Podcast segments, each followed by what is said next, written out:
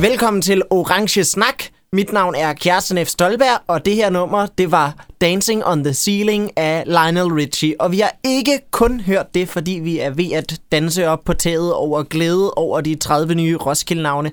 Der er også en helt anden særlig årsag til, at vi hører noget Lionel Richie, og den kommer vi ind på senere. Først så vil jeg lige byde rigtig, rigtig hjertelig velkommen til min ene gæst, eller min gæst i øh, studiet i dag. Vil du introducere dig selv? Det vil jeg da gerne. Uh, hej, jeg hedder Arsha. Uh, ja, hvad vil du?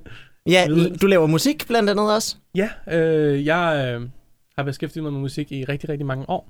Uh, og ja, uh, spiller, producerer, komponerer, en mulig ting. Uh, ja, og generelt bare rigtig glad musiknørd. Um, så det er Ja. dejligt at være her. har jeg glædet mig. Og som vi jo øh, lidt øh, kom ind på her, da vi startede afsnittet, så er der jo 30 nye navne på Roskilde, og vi har håndplukket seks af dem, øh, som vi skal snakke om i det her afsnit. Men inden vi kommer ind på det, så er der lige nogle festivalnyheder fra øh, rundt omkring i øh, konkurrencefeltet, eller i periferien, eller deromkring, som vi lige vil komme ind på. Blandt andet Lionel Richie, han kommer til Smukfest. Han er en del af en ny Smukfest-pakke, sammen med øh, Tove Lo, sammen med øh, Khalid og sammen med øh, Kygo, eller Kaigo. Jeg har hørt, at øh, man ikke må sige til nordmænd, at han hedder Kaigo, øh, så det, det vil jeg lade være med at sige. Jeg tror, det er Kigo eller Kygo. Øh, har du noget forhold til nogle af dine navne, Asha?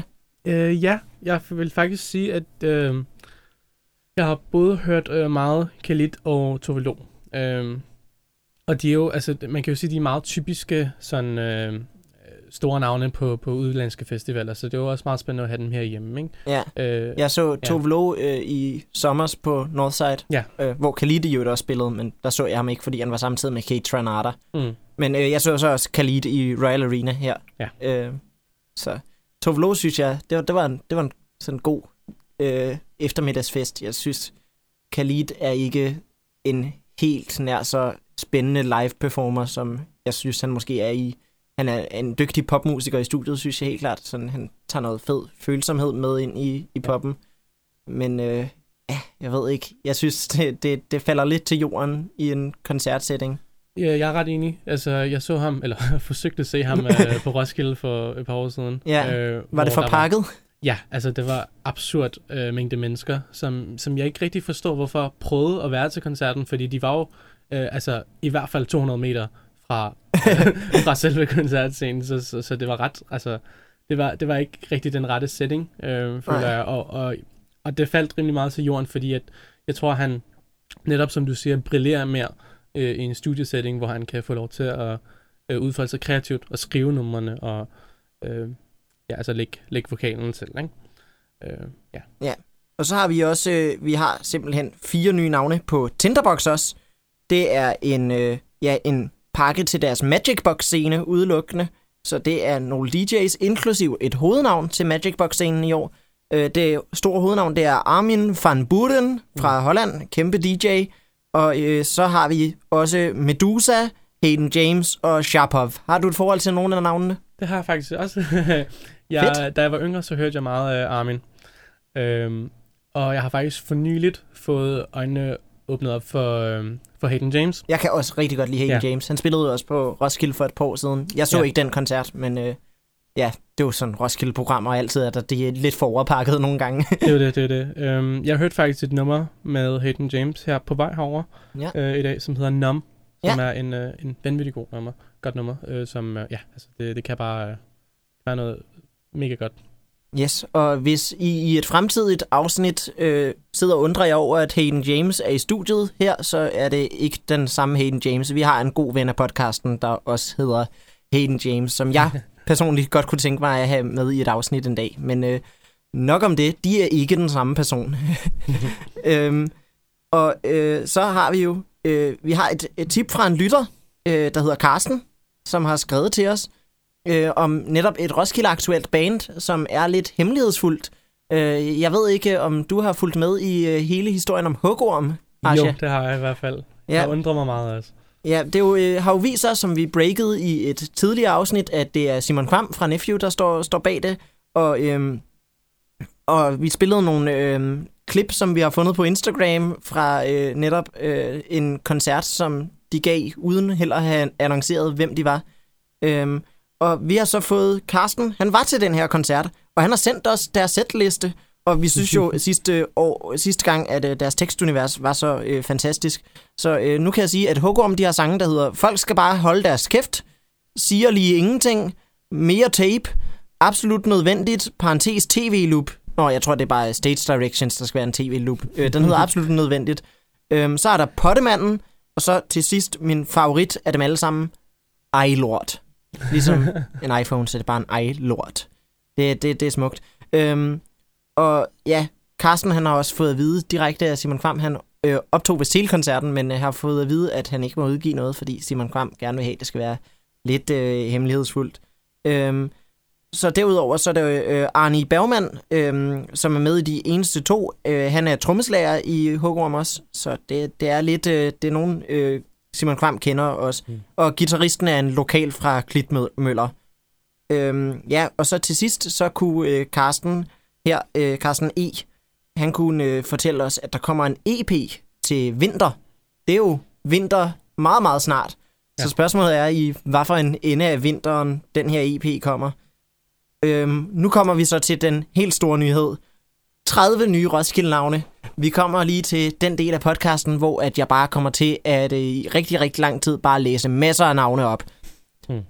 De nye navne er Tyler the Creator, Thomas Helmi, Alex Cameron, Deftones, TLC, Tom Z, Unge Ferrari, Akdang Guangchil, Aminra, Bremer McCoy, Cage the Elephant, Kate LeBon, Conjurer, Guiz Guiz Bubes, Hjalmar, Hugo Helmi, Lingua Ignota, Liga Morgenstern and Bulgarian Voices, Berlin. Øh, det var det fulde navn, Lisa Morgenstern and Bulgarian Voices Berlin. Øh, så er der Rhapsody, Svalbard og Wefal. Wefal, tror jeg, det er de hollandske. Og så er der også ni nye navne blandt dem, der er på øh, opvarmningsdagene. Det er Anansi, Bette, Ganger, Josephine Bovien, Joyce, Jung, Kalia, Megdes og Tessa. Yes. Og øh, ja, vi har jo så valgt øh, hver især øh, tre navne fra den her pakke. Jeg har valgt nogle meget tunge navne, fordi det er det, jeg synes især er rigtig, rigtig fedt i den her nye pakke. Det er simpelthen øh, over i den helt smadrende afdeling, fordi det er også sådan noget musik, jeg lytter rigtig, rigtig meget til. Øh, men du har valgt øh, nogle knap så øh, smadrende navne, Asha. Vil du øh, introducere det første af de tre navne, du har valgt? Uh, jeg tror, det første, jeg vil gå med, det er Tyler, the Creator. Ja, øh, som jo er det helt store hovednavn i parken. Ja, og, og Også selvom kan... øh, de fleste dagblade af en eller anden årsag fokuserer på, at Thomas Helmi kommer. Det er sådan helt absurd. Jeg tror, øh, BT, så står der også sådan meget underligt sådan... Øh, Derudover har de også øh, annonceret Tyler, the Creator, som er markeret som hovednavn. Så, så, sådan, som om, at øh, han kunne være markeret som andet end et hovednavn i forhold til, hvor stor han er også. Ja, ja. Jeg ved ikke, på Northside for to for et år siden var han en eller anden årsag ikke markeret som hovednavn, men mm. det var absolut en af de mere pakkede koncerter på Northside det år. Ja, helt sikkert. Øh, men, men jeg tror også, at øh, med sådan en kunstner som, øh, som Tyler, så, øh, så er det som om, at den, øh, den officielle anerkendelse, altså den, øh, den helt institution, institutionelle anerkendelse fra, fra de store medier, lidt kommer lidt langsommere nogle gange, fordi at han, han samler hype omkring de unge og, øh, og dem, der sådan, ligesom, følger med i kulturen, men, men der er lidt længere op til, øh, op til de, øh, ja, de lidt mere officielle navne, ikke? eller sådan officielle... Ja, han er også sådan, han kan godt lide at være en outsider.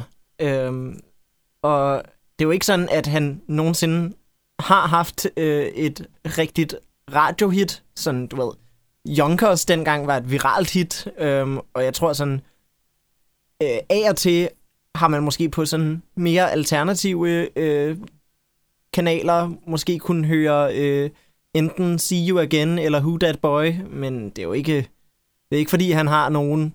Altså, hvis du går op til en øh, tilfældig person og spørger dem om en melodisk rap-sang, der hedder See You Again, så vil de svare Wiz Khalifa, ikke? Så... ja, det er en god pointe. Helt sikkert.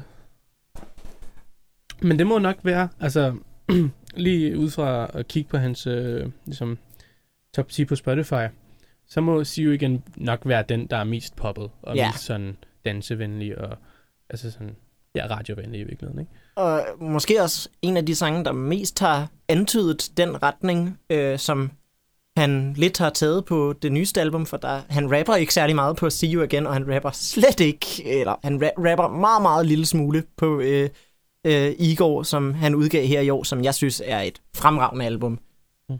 Øhm, ja, hvad, øh, har du nogle tanker om øh, Igor, og øh, hvad det betyder for Tyler? Eller...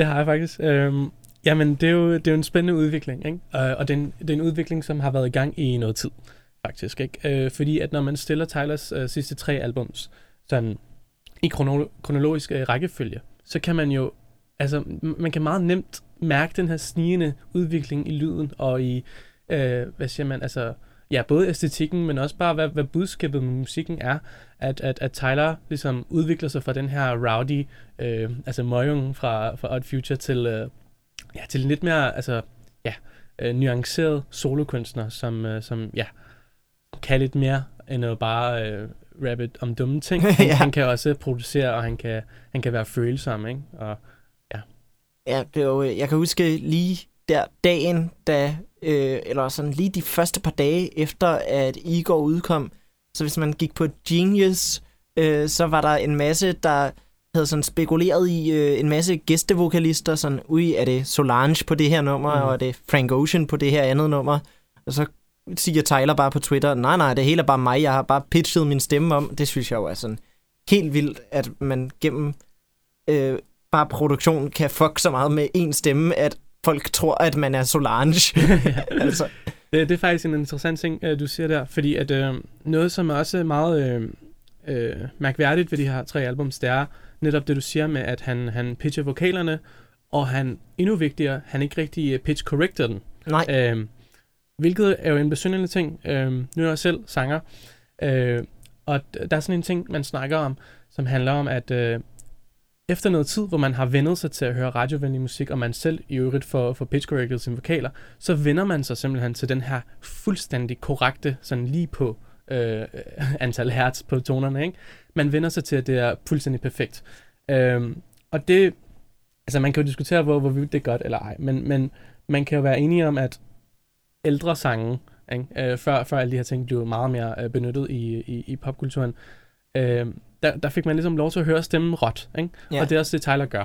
Det er, at han, han nægter simpelthen at, øh, at synge pænt på en eller anden måde. Altså sådan, at, at det, det hele lyder lidt off og lidt grimt, men det stadigvæk er autentisk og, og, og råt. Ikke? ja, Øh, det, det, det mest populære nummer på den nye plade, det er jo Earthquake, og den starter med sådan, I can make you earthquake! Og det er sådan, fuck, det lyder bare overhovedet ikke sådan pænt på nogen traditionel måde, Nej, men det er noget, der går lige i hjertet. Sådan, ja.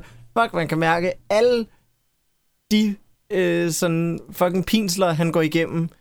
Ja, jeg synes, jeg, jeg synes, det er et fedt eksempel på, at, øh, at flot musik kommer ikke fra fejlfrihed, det kommer af følelser. Ja. Øhm, jeg synes også, øh, ja, jeg kan huske, da Tyler, the Creator, lige kom frem her i begyndelsen af årtiet, jeg kunne simpelthen ikke udstå ham. Øh, Mm. Jeg synes, det, han var irriterende. Han, øh, det virkede bare som om, at hver eneste linje, han rappede, den blev bare rappet for at provokere. Jeg Mm. ved ikke, jeg er super hyklerisk der, fordi jeg har været kæmpe fan af tidlige Eminem også. Men øh, øh, jeg ved ikke, det, jeg begyndte også først at lytte til tidlige Eminem, efter jeg allerede havde hørt øh, The Marshall Mathers LP, hvor han bliver mere personlig og sådan noget. Øh, men, men jeg føler, sådan den store forskel han var, at jeg synes ikke rigtigt, at Tyler, the Creator, var morsom, når han provokerede. Øh, jeg, jeg vil sige sådan, det siger mig mere nu, hvor at han lidt er blevet en mere følsom kunstner, så kan man sådan se øh, lidt de der pinsler, der, der gemmer sig bag øh, sådan øh, alle de her provokationer, sådan når han i musikvideoen til Yonkers slutter med at øh, hænge sig selv, så øh, giver det sådan mere mening nu, end det gjorde dengang, hvor det var bare sådan, ui, fuck, hvor er jeg edgy, jeg hænger mig selv i en video. Mm. Øhm, Det kan jeg sagtens se. Uh, altså, at, at, at konteksten gør det lidt mere nuanceret også, ikke? Men uh, jeg vil nok sige, at jeg var lidt mere anderledes end, uh, end, end dig der. fordi at uh, jeg, jeg, har, jeg har været stor hiphop-fan i, i lang tid, ikke? ja. Og det, som var rigtig unikt ved, ved Tyler dengang, og, og da han kom frem, og hele den periode, var bare, at han, turde være mærkelig. Altså. Ja. jeg tror, jeg tror at hip-hop-kultur, øh, i hvert fald hvis man følger den fra bling-æraen indtil nu, hvor det også er trap øh, og sådan nogle ting, der, der er lidt en tendens til at være helt stif. Altså sådan helt, øh, altså sådan, man må ikke, man må ikke vise sårbarhed, ikke? Og, øh, og det er jo nok også en, en lidt stereotypisk ting at sige, øh, he, altså at alt hiphop er sådan, men, men det jeg mener bare er, at Tyler gjorde det lidt mere okay at være outsider, som du sagde før. Øh, han, han turde være skæv og ja, på, på tværs, ikke? Øh, så sådan en sang som Yonkers, det, jeg, tror, jeg tror, det er derfor, det hittede så godt viralt. Fordi at det fik samlet en masse mærkelige mennesker på internettet. Ja. Øh, øh, ja, så, så jeg har fulgt det helt fra starten. Øh, og jeg fandt faktisk at Future igen Frank Ocean, så jeg har lidt en, Ja. en anden vej ind til det hele.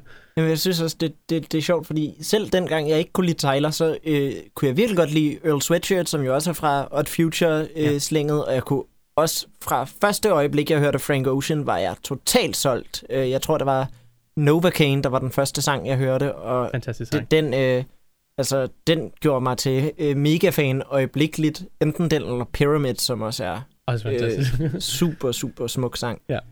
Øhm, ja, lige netop. så øh, ja, jeg synes, det, det er sjovt, at Tyler, the Creator, som lidt er hovedfiguren i Odd Future, var sådan den, jeg havde sværest ved lige at komme ind i. Øhm, men ja, jeg, jeg nyder virkelig at gå igennem hans gamle album og Mm. høre, hvordan han har udviklet sig. Blandt andet øh, også, jeg er blevet rigtig glad for det album, øh, hvorfra du også har medbragt en sang, øh, det der mm. hedder Cherry Bomb, som har virkelig mange vilde eksperimentelle produktionsvalg, og ja, det er jo måske også værd at sige netop, at Tyler, the Creator, selv producerer øh, det hele, og han er virkelig, virkelig undervurderet, føler jeg, i forhold til hans produktionsevner, fordi shit, der kommer nogle kreative ting ud af det. Virkelig, ja. Altså, øh, jeg ved ikke, om det er en uh, segue, det her til... Nej, øh, men det, medmindre du har mere at sige om uh, Tyler, the Creator, så uh, synes jeg da, at uh, det, det er en rigtig god årsag til at uh, lige komme ind i den sang, som vi skal spille. Har du ja. mere at sige? Øh, nej, men, øh, men jeg kan jo fortælle dig om, øh, om, om den sang i virkeligheden, ikke? Ja. Øh, fordi at, øh, det er en sang, der hedder Find Your Wings øh, fra Cherry Bomb. Og jeg synes, det der er rigtig særligt ved det nummer, det er, at... Øh, og generelt det album, det er, det er sådan et, et mellemstage mellem Odd Future Tyler og det nye, ligesom Era, ikke? Øh, og, og her markerer Tyler sig som, som producer ved at, øh, ved at ligesom vise sin øh, brug af samples og generelt sin sans for komposition og produktion. Øh, ja, så det fungerer bare som den her perfekte overgang. Øh, og jeg synes bare, Find Your Wings er et, et nummer på, på pladen, som øh, altså virkelig øh, stå, stå frem som den her flotte, flotte produktionsarbejde. Yes. Øhm, men øh, ja, så synes jeg, at vi skal høre Find Your Wings af Tyler, the Creator. Hey you, what you doing and why you running? Supposed to fly and take control cause you're the pilot. You can't swim, you're gonna drown, the sharks are coming. The sky's your home,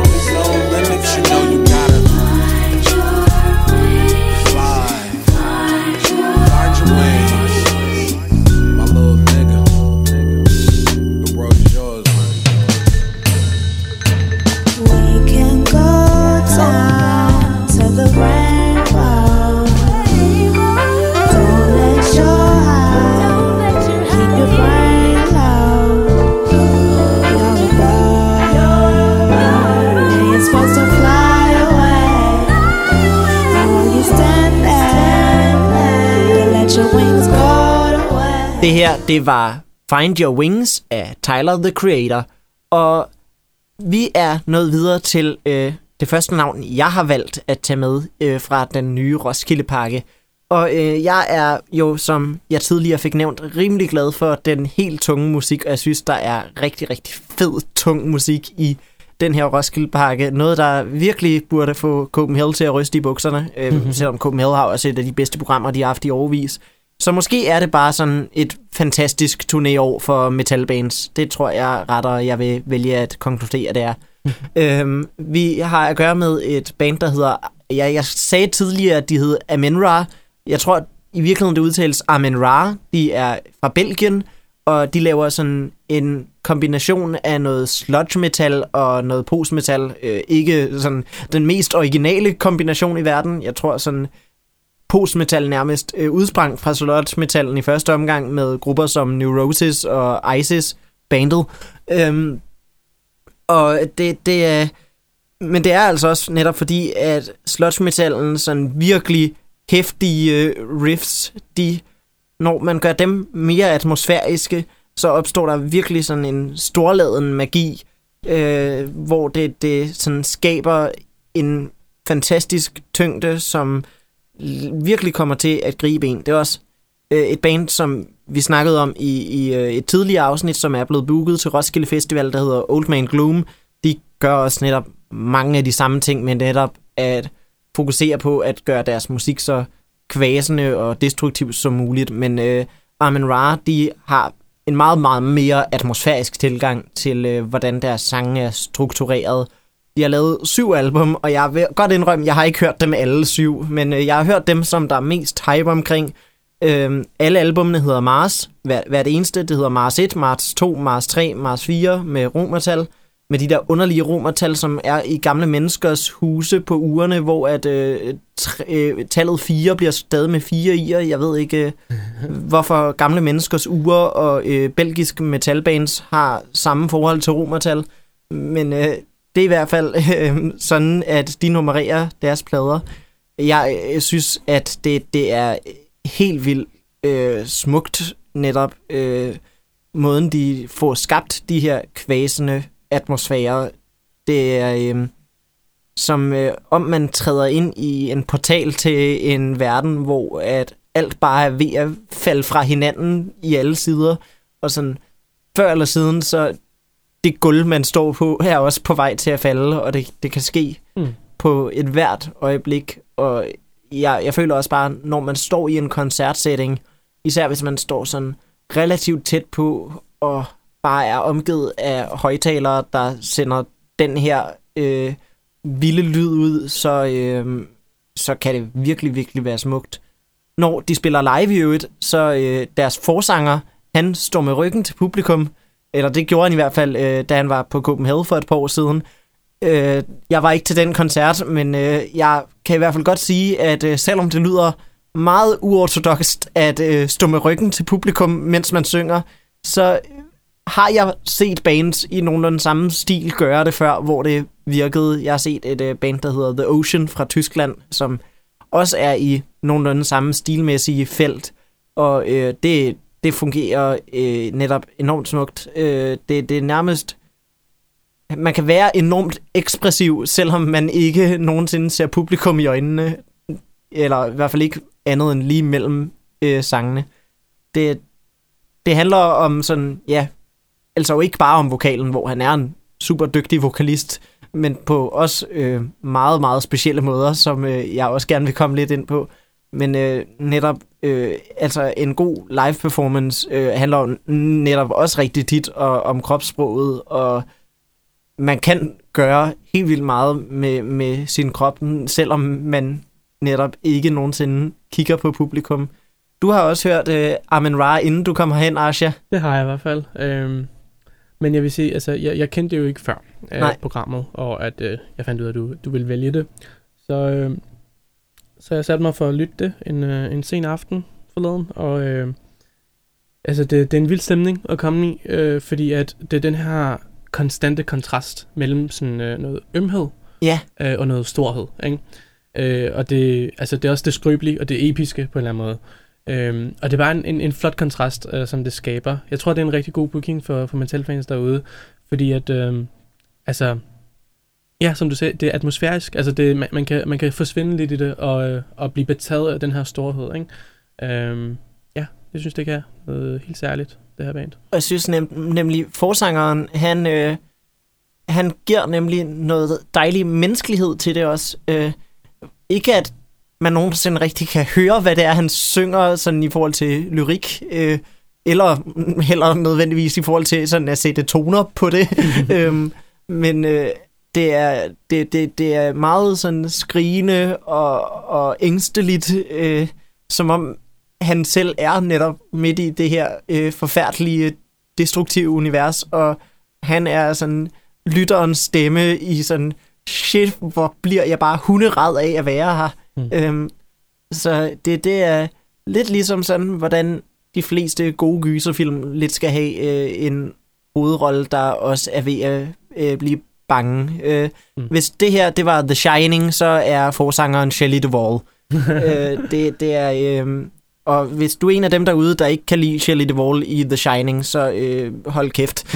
Men det, hun hun er fantastisk i The Shining, og øh, det er netop også øh, det, som øh, jeg, jeg selv synes, øh, at øh, forsangeren er i Amen Ra. Det er øh, rigtig, rigtig øh, smuk præstation, øh, som, som han leverer, og det er netop med til at gøre alle de stemninger, som de præsenterer, så smukke. Øh, jeg øh, blev introduceret til Armin Ra for et par måneder siden, inden at øh, de spillede på Roskilde Fest, eller de, de blev annonceret til Roskilde Festival. Øhm, jeg blev introduceret gennem den sang, som øh, jeg skal spille også, øh, den der hedder Razor Eater, øh, så jeg er også sådan rimelig sikker på, at det er en relativt god introduktion, fordi den fik i hvert fald øjeblikkeligt øh, fængslet mig i deres univers. Øhm, Mm. Så jeg tror egentlig bare, at øh, jeg vil gerne gå videre til at spille den, med mindre at Asha, du har mere at sige om øh, Amen Ra. Øh, måske bare en lille kort kommentar i forhold til det, du sagde med vokalerne. Ikke? Ja. Altså, så vil jeg gerne referere til to ting. Ja, Det er jo og det er jo også fedt at have en sangers perspektiv Ja, på præcis. de vokaler der. Øh, Også selvom du ikke er metalsanger, så vidt jeg i hvert fald har øh, fået forståelsen. Ej, jeg kan desværre ikke øh, præstere på den måde. Øh, men, øh, men det, som øh, jeg gerne vil referere til, det er for det første sådan en band som Radiohead. Ja, Ikke? Øh, Og, og nu er det jo også øh, Sam York, der kommer på Roskilde. Men, men her, der ser vi altså et pragt eksempel på, at, at det er hverken toner eller ord, der, der, der skaber øh, ømheden i musikken, Ja. øh, og især i vokalen. Fordi at øh, Thom York kan finde ud af at synge virkelig grimt, ja. men, men stadigvæk lyder virkelig smuk. Ikke? Øh, og man kan virkelig altså mærke øh, tristheden i sine skuldre, og, og, og nærmest få tårer i øjnene med det samme. Ikke?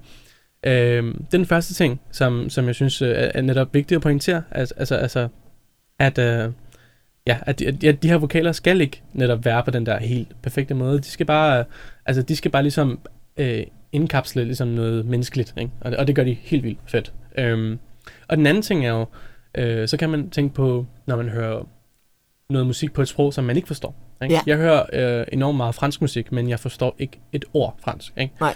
Øhm, men derfor får jeg stadigvæk følelsen med. Ikke? Øh, fordi, fordi at det er jo i virkeligheden ikke... Altså, mus- musik fungerer på flere planer, ikke? Og, og det er ikke kun øhm, det budskab, som der bliver formidlet gennem en eventuel tekst, men det er også den stemning og den, øh, altså det, ja, det audiorum, som bliver skabt igen. Ja. Mi- Mit yndlingsalbum, der udkom øh, i 2018, det var øh, et brasiliansk album, og jeg forstår ikke det mindste ord portugisisk, ja. hverken i den Portugal eller øh, Brasilien-varianten af portugisisk. Ja. Øhm, så øh, det, det er netop også... Det er ret sjovt, at du laver den der parallel til Tom York, for jeg kan virkelig godt se det, også selvom du Mm. ved, de, de ikke lyder som hinanden, så, så er det netop virkelig der, deres måde at øh, få grebet lytteren. Der er der enormt meget nogle paralleller. Jeg kan ikke lade være med at tænke på øh, øh, der i Airbag, hvor at øh, Tom York, han siger sådan den her virkelig grimme Have to save the universe, og det er sådan, ja. shit, det, der, der twister den lige sådan, også bare fordi det, det lyder relativt pænt, inden han kommer til det, og så er det sådan musikken samtidig med, at han er i gang med at, øh, øh, du ved, øh, falde fra hinanden fra sig selv som person, så begynder musikken også bare at brage mere og mere igennem. Mm. Øh, netop som om, at han lidt er fanget i den situation, som musikken omkring ham starter. Øhm, så det er jo netop også netop det, jeg føler, at Amen Ra gør så smukt. Øh, blandt andet på det her nummer, vi skal høre nu, der hedder Razor Eater. Whoa!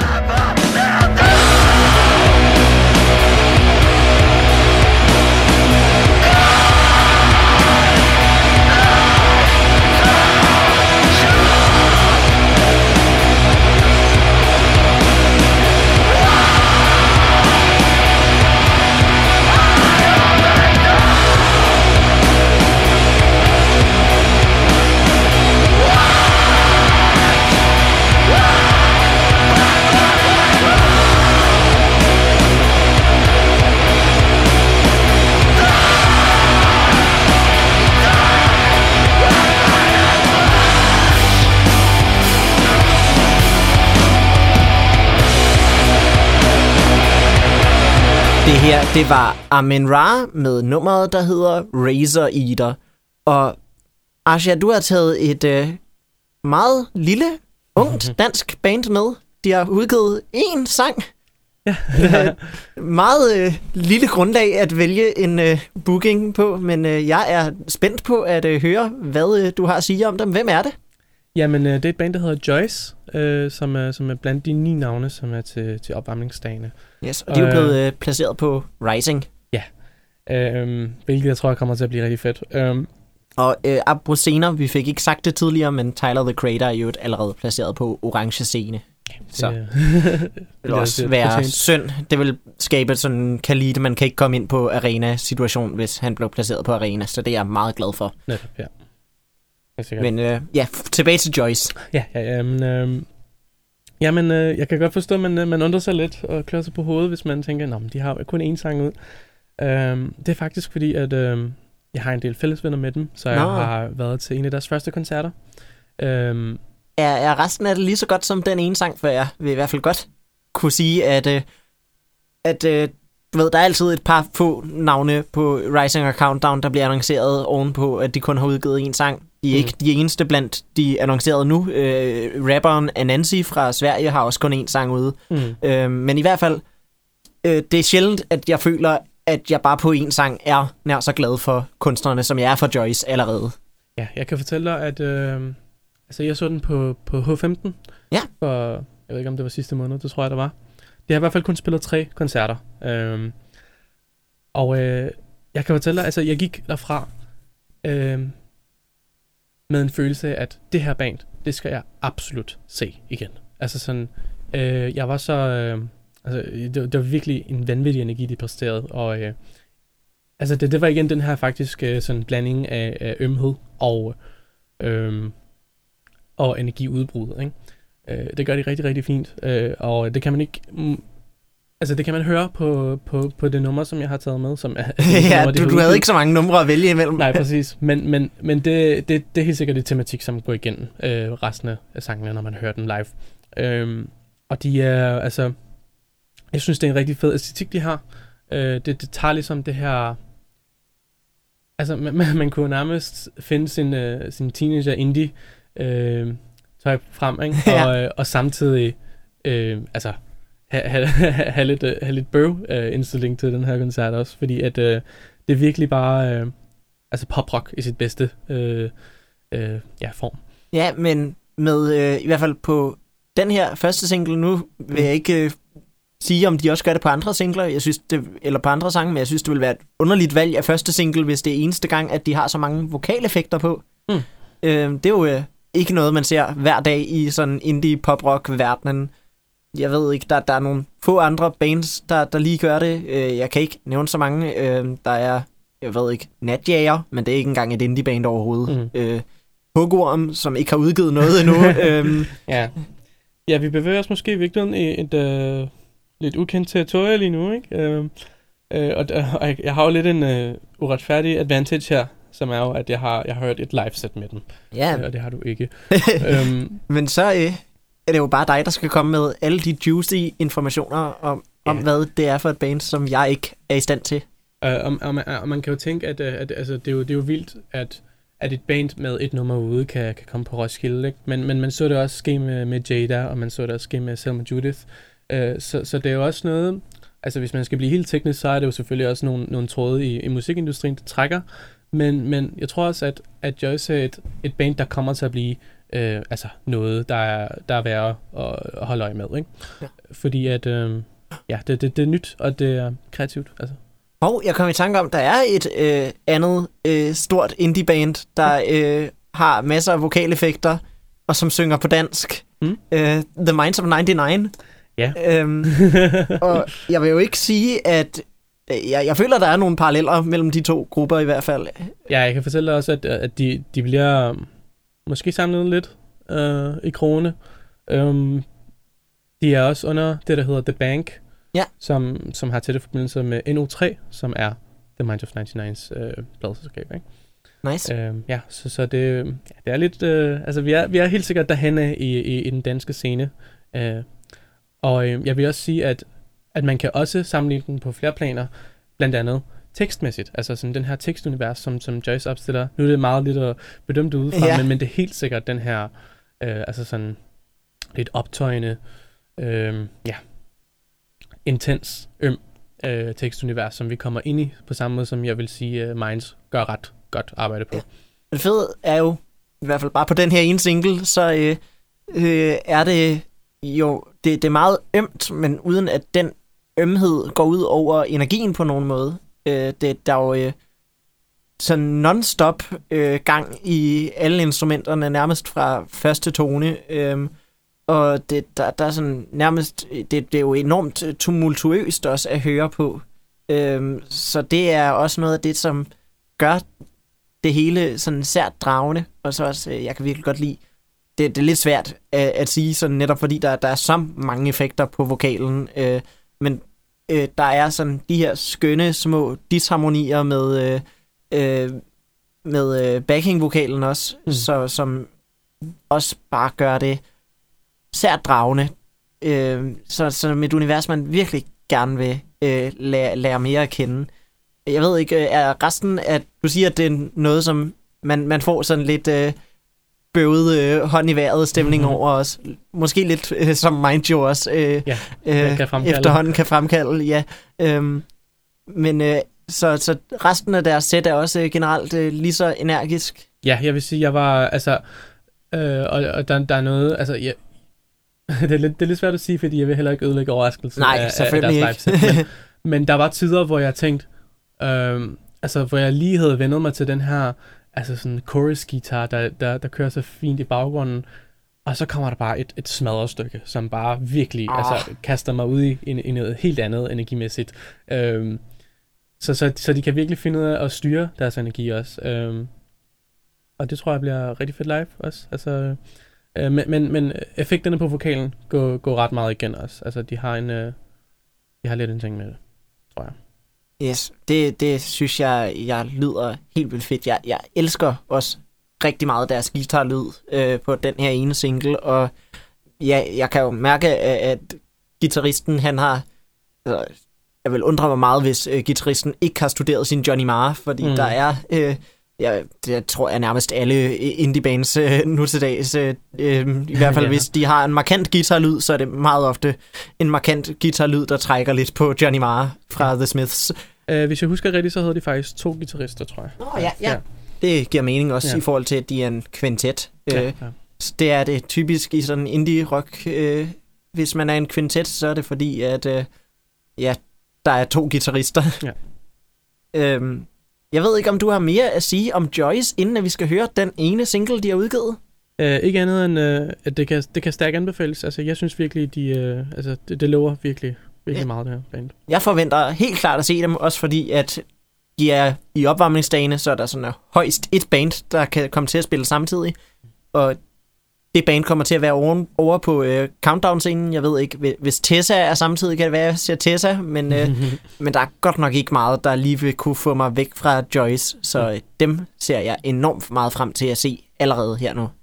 Her kommer Joyce med deres eneste sang overhovedet, øh, der er udgivet. Det her er Tomme Ord.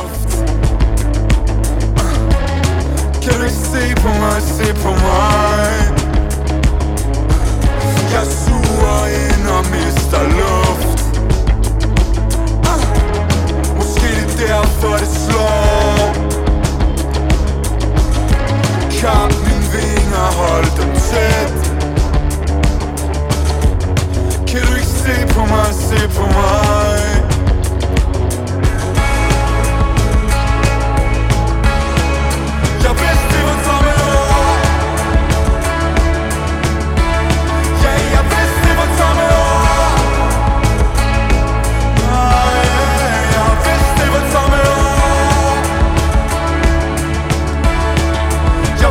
Det her, det var tomme ord af Joyce. Og vi er nået til endnu et af mine tunge, tunge navne. Vi er nået til øh, endnu et meget sludge metal orienteret band. Øh, det er det band, der hedder Conjurer, der er fra Storbritannien. Ikke at forveksle med det amerikanske metalband, der også hedder Conjurer. Øhm, og jeg øh, havde hørt øh, et enkelt nummer af Conjurer, inden de blev annonceret på Roskilde Festival. Et øh, nummer fra deres øh, album, der hedder Curse These Metal Hands, der er lavet i øh, fællesskab med en gruppe, der hedder Pigeon, eller Pine. Jeg ved ikke, hvordan det helt præcis udtales. Jeg satte lidt på Pigeon. Pigeon. Det, Ja. udtale, det staves P-I-J-N. Så øh, jeg har nogle gange kaldt dem Pine, fordi det, det sådan, man vist ville udtale det, hvis de var hollandske. Mhm. Men øh, det er de ikke. De er vist også britiske. Og øh, det er et album, som blev lavet efter, at øh, deres pladeselskab fik øh, dem til at give en fælles koncert på en festival. Og øh, det gik åbenbart så fedt, at øh, det skulle der komme et øh, fælles album ud af. Mm. Og det synes jeg også, det album øh, resulterede, øh, ja, det, det var et rigt, rigtig, rigtig, rigtig, rigtig flotte resultater, der kom ud af det samarbejde. Men vi skal ikke snakke så meget om det, de har lavet sammen med Pine, mest fordi, eller Pi- Pigeon, mest fordi, at øh, Pigeon ikke kommer på Roskilde Festival, øh, så, eller det, de er i hvert fald ikke annonceret endnu, og de er i hvert fald heller i, især ikke annonceret til at være en del af øh, Conjurers koncert. Øh, Og Conjurer har heldigvis også et rigtig, rigtig øh, fedt album i eget, eget navn, der hedder øh, Meyer, som jeg også er meget, meget begejstret over for. Det er øh, sludge metal, der har virkelig, virkelig høj energi på, i modsætning til øh, øh, nemlig Amen Ra, som øh, rigtig godt kan lide det atmosfæriske. Der er næsten nogle metalcore-elementer i det. Ikke metalcore i sådan Of Mice and Men. Nu synger vi om, øh, hvor ængstelige vi er, og har et melodisk omkvæd øh, måden, men retter, du ved, helt klassisk, ala Converge eller øh, Botch-agtig øh, metalcore. Der, der er i hvert fald en del paralleller til Converge, øh, uden at det på nogen måde heller er et metalcore-band dog. Altså uden at, øh, at Conjurer er et metalcore-band. Øh, de, de har meget den samme kontrol over øh, musikken, som er enormt imponerende. Øh, der er simpelthen så meget speed og øh, totale energiskift konstant, øh, så man nærmest øh, skulle tro, at, at før eller siden, så vil den her sådan yderst velsmurte maskine stoppe med at, at fungere. Men altså hvert eneste øjeblik, så fortsætter den bare med at rulle fremad med øh, kæmpe højt tempo, og det, den øh, stopper simpelthen ikke rigtigt.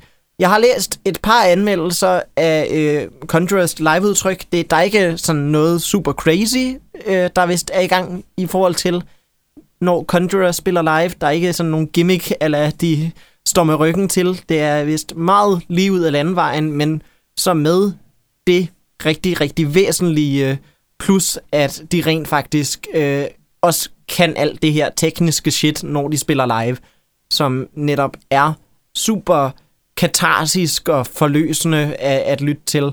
Der er sådan virkelig gode opbygninger til bare kæmpe store følelsesudladninger fra de her skrigende og øh, råbende guitarer og sådan totalt maniske basgange og sådan bulrende trommer, og det er åh, det er så stor en følelsesmæssig forløsning, når man kommer til slutningen af, det, af et nummer, og det bare rammer sit helt store klimaks. Du har også, Asha, hørt Conjurer, inden du tog øh, herover. Hvad, øh, hvad synes du om dem?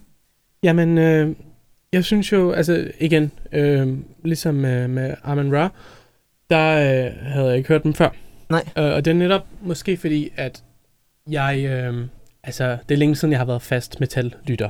Øh, Ja. Det var noget, der, der hørte min, min yngre øh, år til, og så er jeg sådan lidt vokset fra det. Men, men jeg værdsætter det stadig, og jeg har selv spillet meget af det på guitar. Og, Nej, nice. ja, øhm, så, så jeg kan ligesom, jeg kan genkende værket, ikke? og jeg kan genkende øh, øh, arbejdet i det, øh, håndværket, så at sige.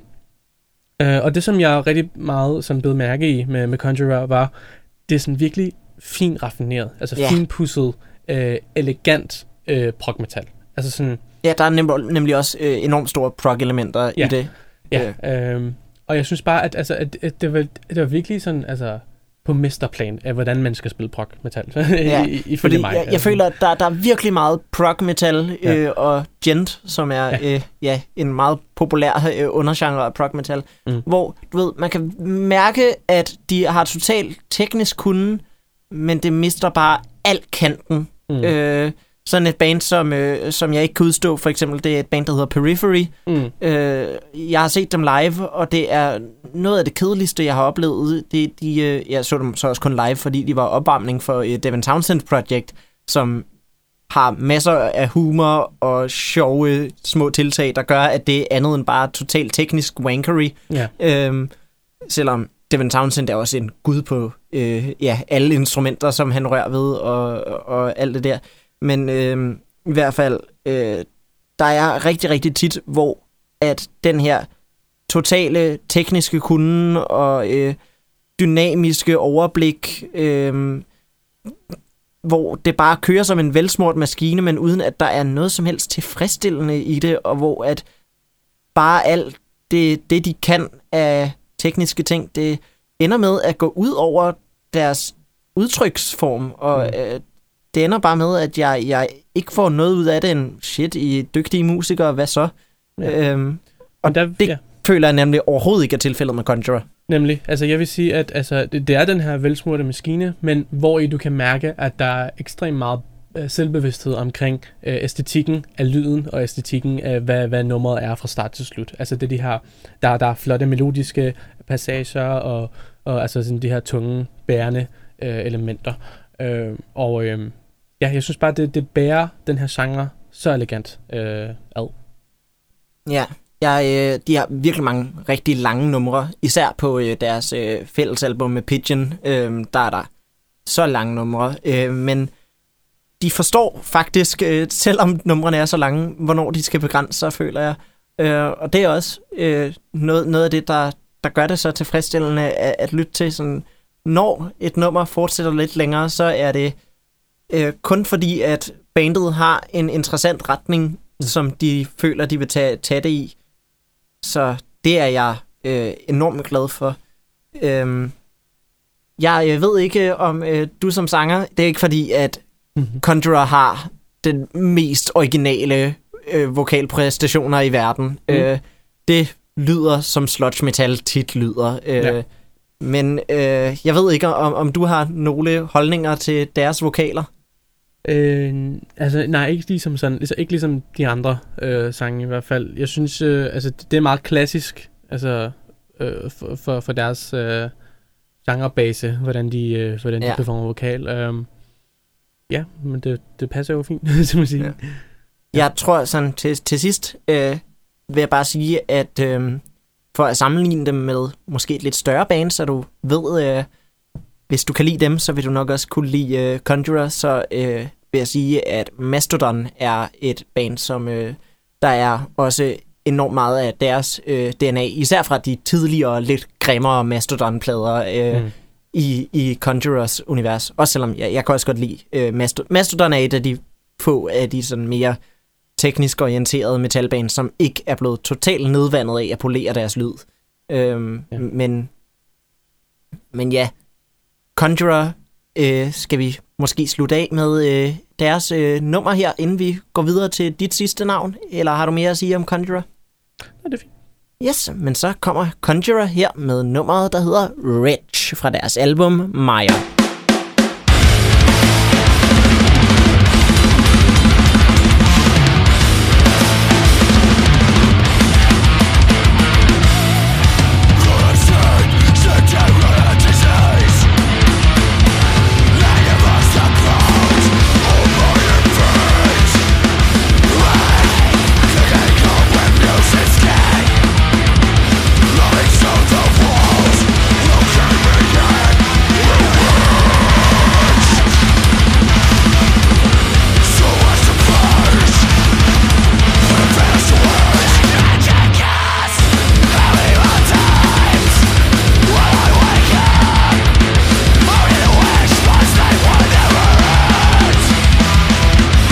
Det her, det var Rich af Conjurer.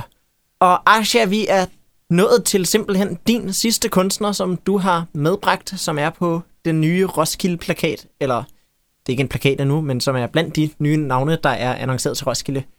Hvem er det? Det er øh, rapperen uh, Rhapsody, som er, som, ja, det er jo, det er jo et nyt hip-hop-navn i min, uh, i min uh, udvalg her. Ja, hvis man kan kalde Tyler, the Creator et hip-hop-navn længere. Ja, det, det er nemlig med den, uh, med den fodnote.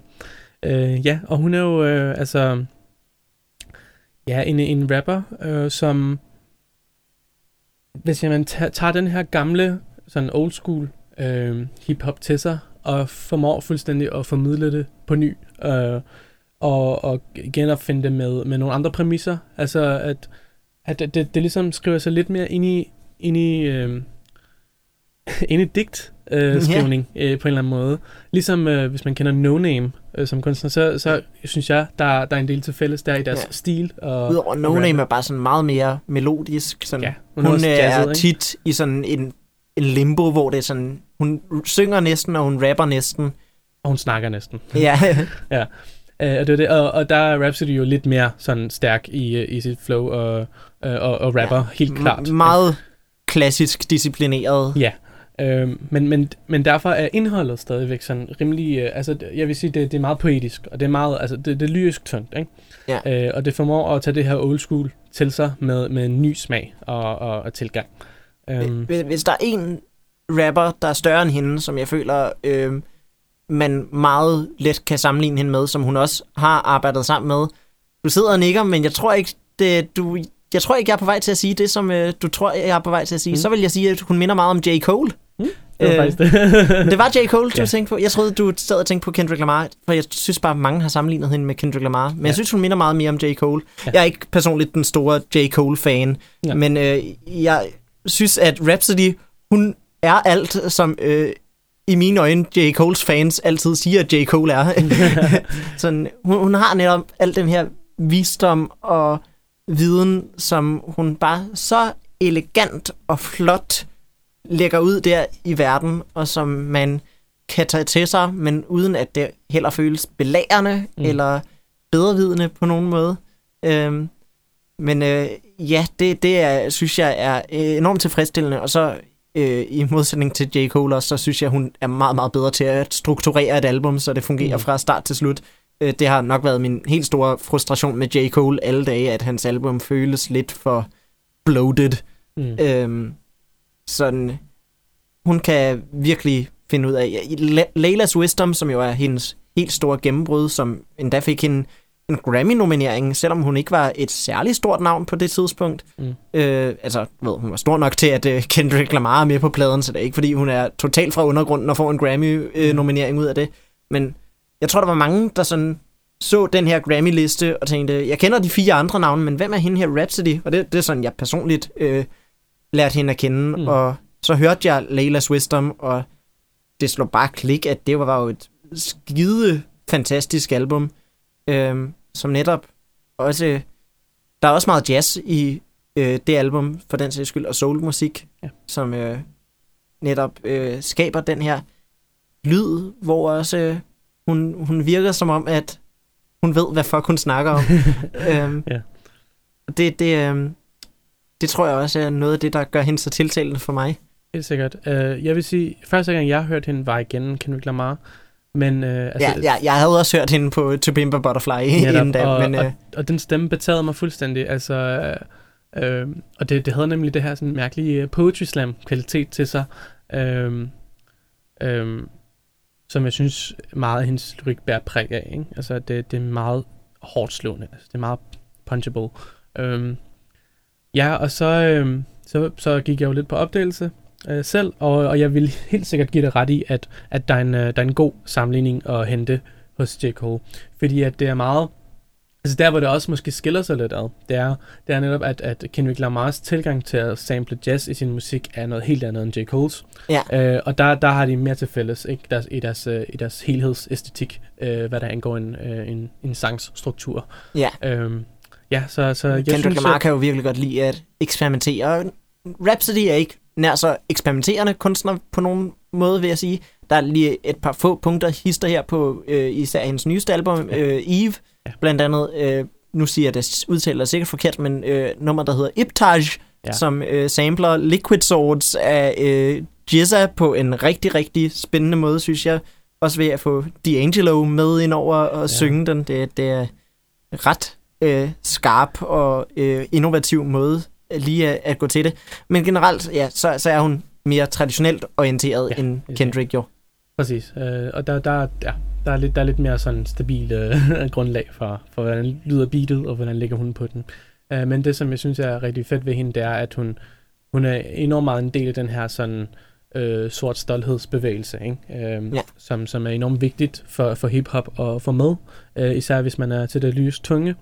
Øh, og, det, og det synes jeg, altså det gør både Kendrick og J. Cole og Rhapsody rigtig, rigtig godt stykke arbejde på, fordi at øh, man kan virkelig godt mærke på, på Rhapsodys tekster, at, at det, det handler om at, øh, om at beskrive et samfundssituation, og beskrive ligesom, øh, ja, en, øh, en tilstand, en, en tilværelse, som, som hende, ikke? og som hendes samfund. Ja, og øh, det nyeste album, hun har udgivet, det hedder jo Eve, og det er et øh, det er lidt en tendens i 2019 at udgive album, hvor hvert eneste track er opkaldt efter en figur, som øh, øh, ja, kunstneren finder inspirerende eller interessant eller fascinerende på en eller anden måde. Øh, hvad hedder det, Jamila Woods, som er en soulsanger, har også øh, kørt det samme koncept øh, på hendes nyeste plade, der hedder Legacy Legacy, som også er rigtig, rigtig god plade. Øhm, Frank Turner, som er sådan mere folk-rock-sanger, øhm, han har også kørt det på et album, der hedder No Man's Land. Det et ordspil, fordi det kun er kvinder, han har opkaldt øh, sangen efter. Øh, jeg synes ikke, Frank Turner gør det helt nær så godt. Øh, det, der er en del sådan lidt kluntede sangskrivningsvalg, og måske også øh, nogle figurer, hvor det er lidt underligt, at han har dedikeret sangene til dem. Men øh, i hvert fald, jeg synes, Rhapsody er en, hvor der, der er sådan virkelig en, en fed connection, hun drager mellem øh, de her kunstnere Mm. øh, og de her personligheder, de her kulturpersonligheder. Der er et nummer, der hedder Oprah, der er, ja, Og Aliyah. ja, en opkaldt efter Michelle Obama. Ja, Alia fucking, altså også vigtig person at, øh, Absolut vigtig person i, er- kulturen. at, at og ja, tragisk historie jo. Øh, Ja. ja. Altså til dem, der øh, ikke har hørt om Alia, så øh, har de måske hørt om R. Kelly, og ja, det, jeg tror ikke, jeg skal sige meget mere end det. Øh, så øh, er, er de fleste nok inde i, øh, uden at øh, jeg skal til at øh, sætte nogle content warnings på den her podcast forhåbentlig. Øhm, men øh, hun har nemlig enormt godt styr på, hvor hun og hendes musik kommer fra. Og det føler jeg også, at Eve er sådan en hyldest til det hele. Og, øh, ja. og det er nogle årsager til, at jeg også kan lide Iptage så meget, fordi der, der er virkelig nogle spændende spil der, hvor at, øh, det var opkaldt efter en, øh, en øh, sabelfægter, Mm. øh, og så sampler den Liquid Swords, og øh, sådan har en masse interessante sådan fægte metaforer i forhold til også bare sådan at komme igennem livet. Så, så det er en at fægte, det synes jeg er rimelig genialt. Men øh, du har jo ikke valgt Iptage. Øh, du har valgt et andet nummer, som også er rigtig, rigtig fedt. Du har valgt Power. Har du noget at sige om Power, eller skal vi bare lade den spille? Øh, altså meget kort. Det, det er jo fra Lila's Wisdom albumet, øhm, og den øh, har Kendrick Lamar på feature. Og, øh, da, Og øh, Lance Skywalker, ikke? Ja, præcis. Øhm, og jeg synes jo, at, øh, at de tre til sammen skaber jo lidt et, øh, et nummer, som faktisk minder, i det her tilfælde, lidt mere om, om Kendricks øh, Ja. verden i To Pimp Butterfly, end det gør noget andet. Øh, og det synes jeg bare var en fed energi at komme ind i. Men så her kommer Rhapsody og Kendrick Lamar og Lance Skywalker med nummeret, der hedder Power. I never read the 48 line. The power of the dusty make a grown man cry. The day I came up pop my mama, I saw a grown man cry. They say it has magic powers, even magic ain't die. Wake you out to sleep and take a 3M car ride. He said the booty, only thing between him and God. They love the booty, sacrifice their family and job. Bash make police feel powerful in the hood. Guns make us feel powerful, but they don't do no good. I know my blackness powerful, and they don't like that. I know some niggas so dead. Sit back and watch them tap dance. Bombs over Baghdad to have a flag to brag about. Don't make you a big boy, cause you got a nice stack. Carolina home, boy, you know we keep a stack house. It's power when you know the game. I'm feeling like a champ now. I went to rap rap, homie, get out the trap house. I want the power to be able to rap about what I rap about. Black child, God loving tech. Det her var Rhapsody, Kendrick Lamar og Lance Skywalker på nummeret, der hedder Power. Og vi fik ikke sagt det før, men øh, når Rhapsody spiller live, så har hun jo et, et øh, liveband med sig, øh, der hedder The Stormtroopers. Meget underligt navn, jeg har ingen anelse om, hvorfor de hedder The Stormtroopers.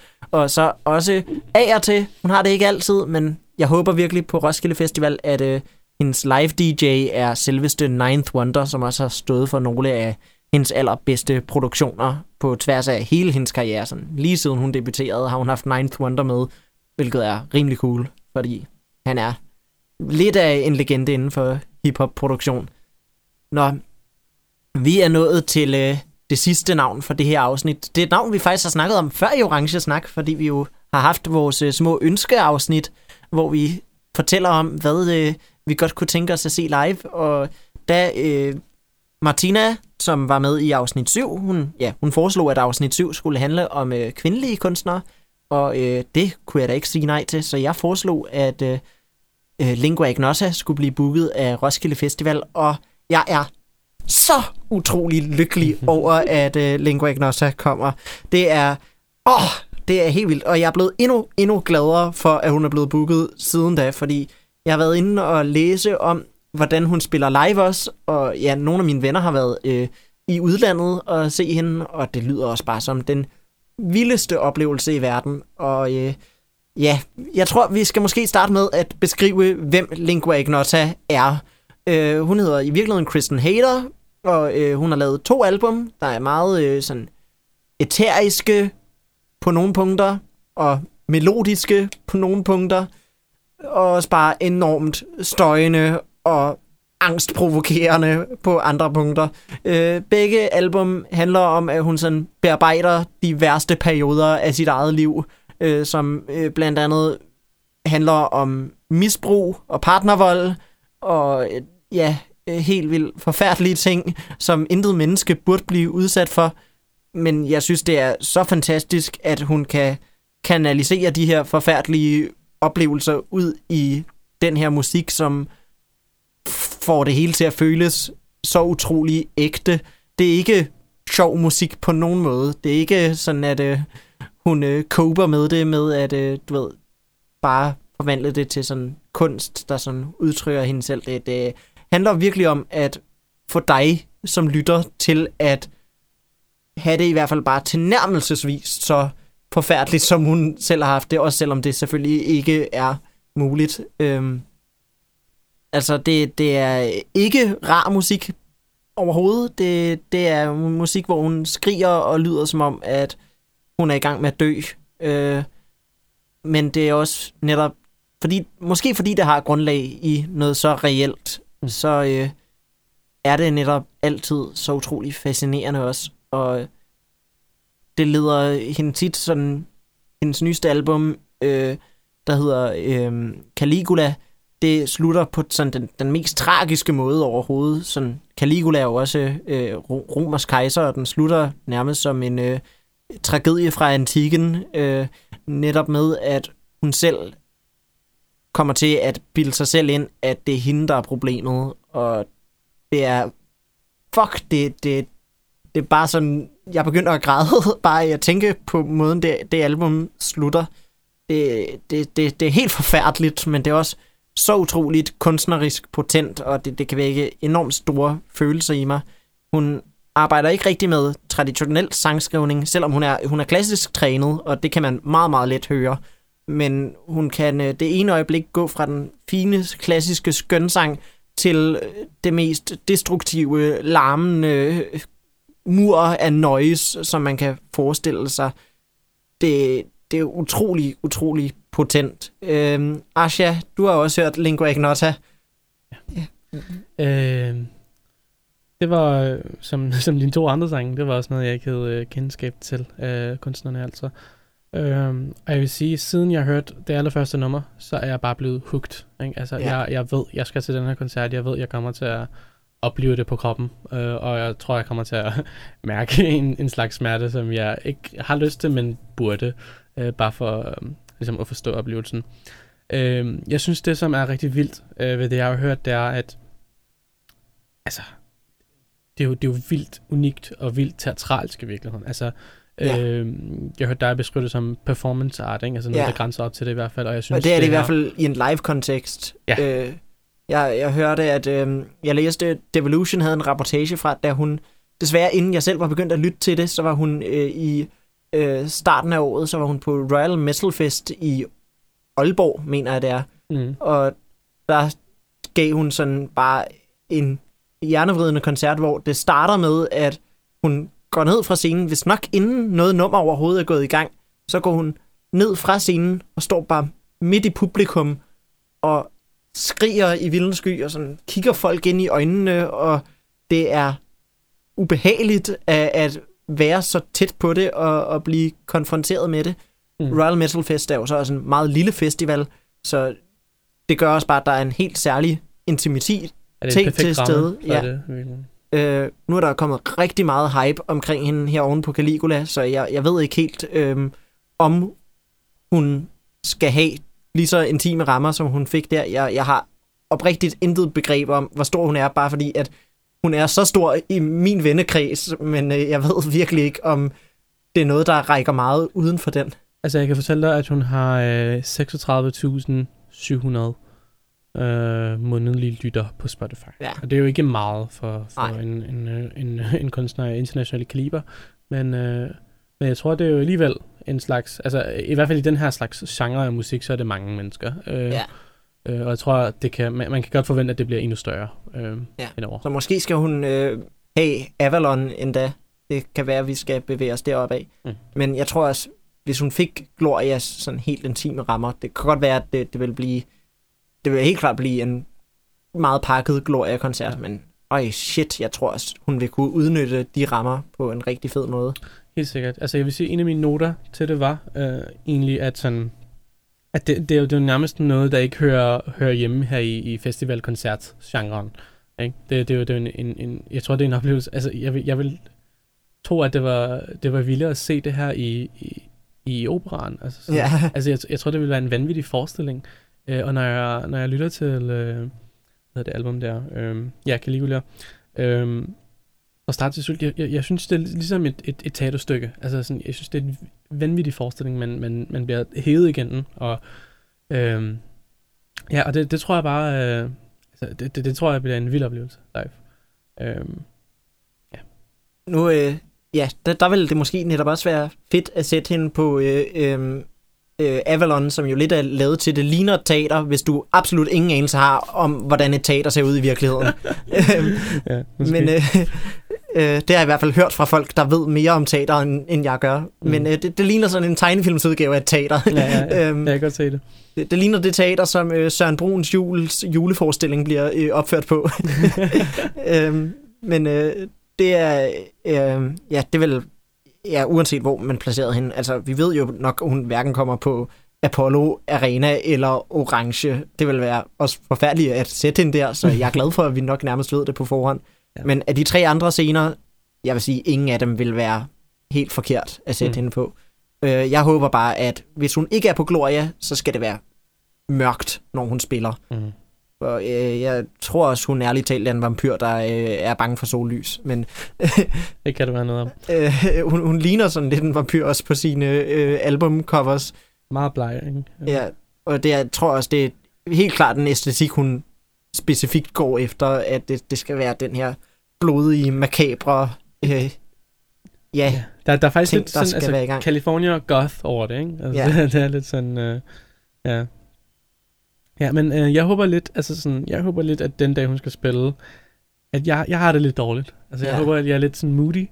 Hun skal jo Øh. spille den sidste dag, så jeg tænker også bare, hvis de sætter hende i mørket, der er en reel sandsynlighed for, at hun bliver det sidste navn, mm. Som jeg kommer til at se på årets Roskilde Festival. Det vil være vildt, ja. Ja, Og slutte af med. det vil være helt utrolig måde at gå fra lejren. Jeg håber så meget, at det, det bliver i mørket i hvert fald. Ja. Øhm, det, det vil være så synd, hvis øh, hun fik sollys. Men jeg vil se hende uanset, hvornår de placerede hende. Så øh, det, det, det skal ikke ændre på noget for mig. Øhm, jeg, jeg har nogle venner, der var øh, i udlandet, øh, hvis nok i Bulgarien, husker jeg det som. Øh, de var i hvert fald i det østlige Europa og øh, se hende. Og øh, snakkede også om, at mod slutningen af koncerten, så stiller hun sig op på et bord, og det er bare sådan virkelig vakkelvogns bord. Og så står hun der og skriger, imens bordet sådan vipper, og man er konstant bare bange for, at hun vil falde ned af det. Og øh, Wow. ja, det, det er, øh, hun laver også ja, en masse af sådan nogle ting, der netop er sådan lidt Marina Abramovic øh, øh, performance Mm. art øh, til at udtrykke den pinsel, der er til stede i hendes musik. Så øh, det, det glæder jeg mig enormt meget til at opleve med mine egne øjne. Det, ja, vil- jeg det glæder mig også rigtig meget. bliver så vildt, tror jeg. Øhm, har du andet at sige om uh, Lingua Ignota, inden at uh, vi runder af? Nej. Nej, men så vil jeg sige tusind tak til dig for, at du har været med i det her afsnit af Orange Snak. Og øh, jeg vil gerne sige tak til alle lyttere, der sidder derude og lytter med, uanset om de gør det på radio eller på podcast. Podcast, øh, der kan man finde os på Spotify, man kan finde os på SoundCloud, Apple Podcasts, på Podimo, og øh, ja, så som radio, så bliver det her afsnit sendt to gange på Rockkanalen, øh, og det er søndag kl. 16. Øh, på de lige ugenumre, så er det et spritnyt afsnit, der bliver sendt, og på ulige ugenumre, så er det en genudsendelse af den sidste lige ugenummers afsnit. Så det kan I glæde jer enormt meget til at høre der. I radioudgaven spiller vi jo et sangene i deres fulde længde, mens at vi cutter dem af, så det kun er sådan lidt under et minut af hver sang, vi får på podcastudgaven. Nå, men igen, tusind tak, fordi I lyttede med.